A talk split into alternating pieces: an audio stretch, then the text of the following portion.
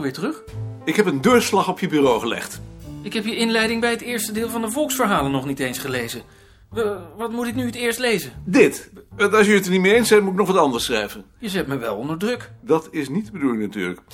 Eh, is nog iets bijzonders gebeurd?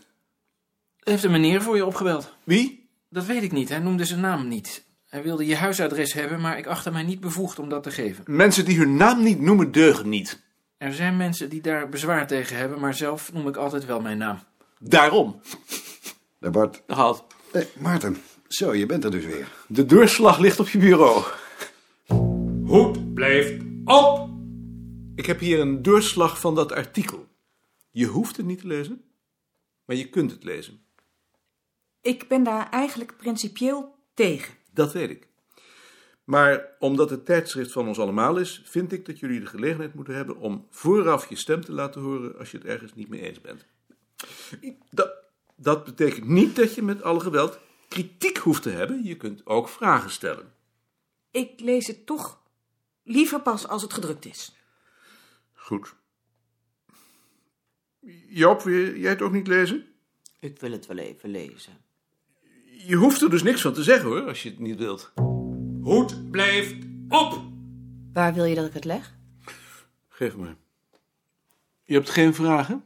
Nee, lijkt me wel duidelijk zo. Hoed blijft op. Dag, Tjitske. Ik heb een artikel geschreven voor het bulletin, omdat we voor dit nummer niks hadden. En omdat ik daarin een standpunt inneem tegenover ons vak, vind ik eigenlijk dat jullie het van tevoren moeten lezen. Voor het geval je kritiek hebt of vragen wilt stellen. Het hoeft niet, maar het kan. Inspraak noemen ze dat tegenwoordig. Nou, ik zou wel zien. Hoed blijft op.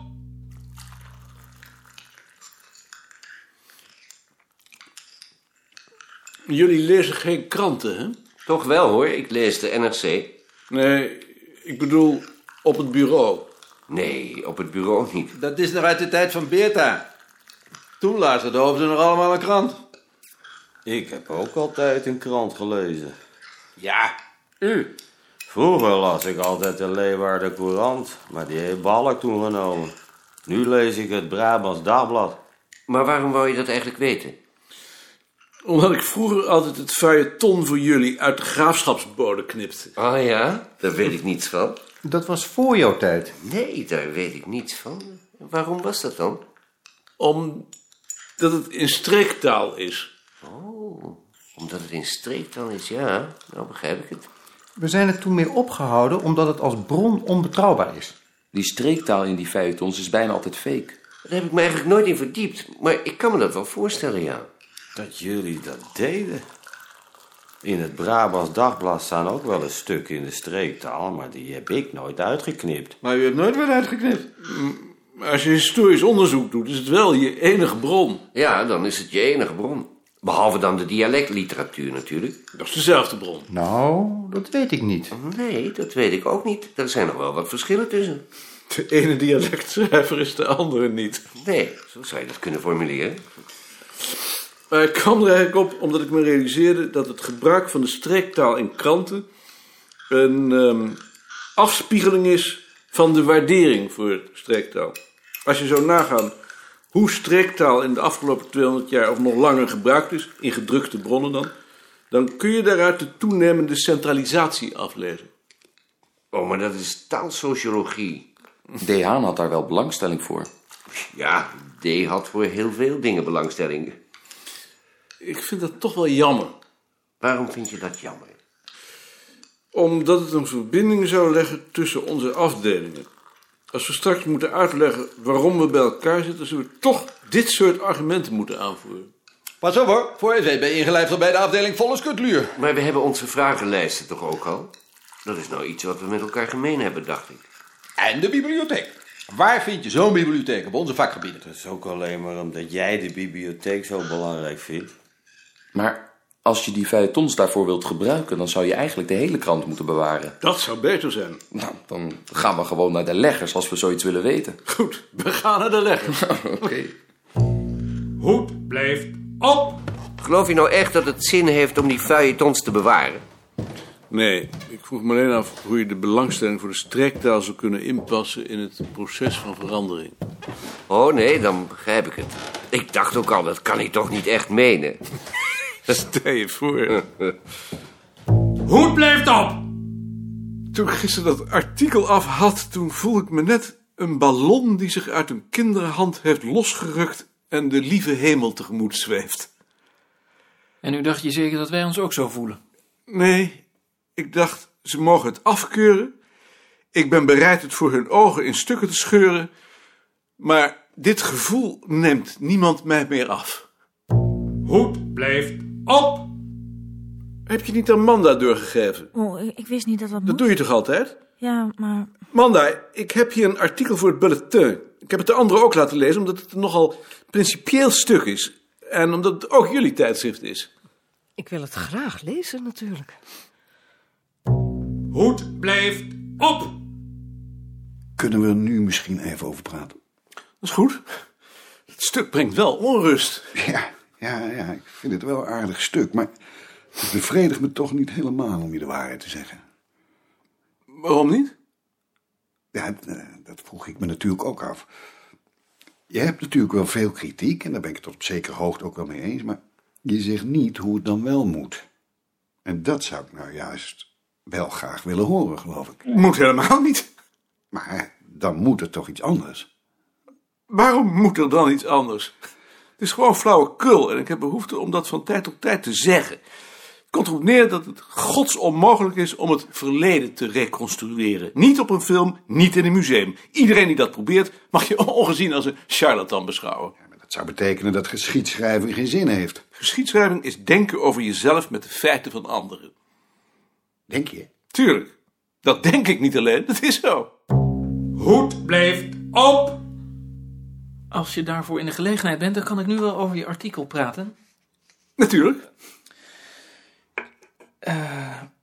Ik hoop niet dat je verwacht hebt dat ik het een goed artikel zou vinden, want dat zou ik heel vervelend vinden. Nee, dat had ik niet verwacht. Nee, dan is het goed.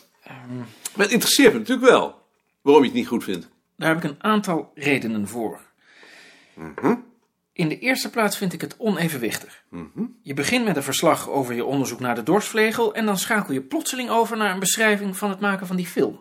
Omdat het een een logisch gevolg is van het andere. En dat geloof ik nu juist niet. Ik geloof niet dat die twee iets met elkaar te maken hebben. Ik vind dat geconstrueerd. Omdat jij het nooit zo uit de hand zou hebben laten lopen. Jij zou nooit zo'n film zijn gaan maken als je alleen maar wilde weten hoe ze vroeger met een dorsvlegel werkte. Daar heb je inderdaad gelijk in. Ik zou zo'n film nooit gemaakt hebben. Daarom. ik dus wel. Als ik geen argumenten heb om zoiets niet te doen, dan doe ik het. Maar ik zou dan toch wel graag willen dat je ook duidelijk kenbaar maakt dat ik niet mede verantwoordelijk ben. Jij bent toch niet mede verantwoordelijk? Nee, maar de mensen zouden het kunnen denken. Begrijp ik niet. Ik schrijf toch ik? Het is toch duidelijk dat ik verantwoordelijk ben? Je schrijft wel ik, maar je zegt ook dat het een onderzoek is van het bureau. En omdat er in de tekst sprake is van zes mannen, kan dat aanleiding geven tot misverstand. Dat lijkt me heel onwaarschijnlijk. Ik zou toch wel graag zien dat je daar nog eens naar keek. Ik zal er naar kijken. Eh, ja. Ik hoop dat je me dat niet euvel zult duiden, maar ik vind er ook een element van valsheid in zitten. Valsheid? Je beschrijft hoe je die film gemaakt hebt, je laat zien hoe dat uit de hand loopt en dan stel je vast dat het een totale mislukking is geworden. Maar daarmee loop je ook meteen weer op kop. Want met die kritiek stel je erboven en je laat de anderen die ook hebben meegedaan in de kou staan. Dat zit in de meeste van mijn artikelen. De bedoeling van dit soort zelfkritiek is natuurlijk om er sterker van te worden. En dat is dan ook precies mijn bezwaar tegen je artikelen. Je houdt me dat toch wel ten goede, want het is niet mijn bedoeling daarmee iets onaangenaams te zeggen natuurlijk. Ik heb er geen enkele moeite mee. Het verschil tussen jou en mij is dat jij nooit aan zo'n onderneming zou zijn begonnen. Jij voelt intuïtief aan dat je zoiets niet moet doen. Dat is juist. Misschien voel ik dat ook wel, maar als ik geen argumenten heb, ben ik geneigd te gaan onderzoeken wat er dan precies aan mankeert. Die neiging heb ik inderdaad niet. Bovendien kan ik moeilijk nee zeggen als ik geen argumenten heb en anderen er wel iets in zien. Dat heb jij ook niet. Nee, dat heb ik niet. Maar als je dat nou wel hebt en je stelt achteraf vast dat je het niet had moeten doen, wat moet je dan? Ik vind dus dat je het niet zo ver had moeten laten komen. Ja, maar nu is het zover gekomen. Dan vind ik dat je je achteraf maar met het resultaat moet vereenzelvigen. Want zoals het nu is, ben je toch weer iedereen te slim af.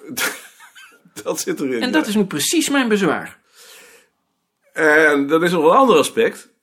En dat is dat ik me blootgeef om mezelf onkwetsbaar te maken.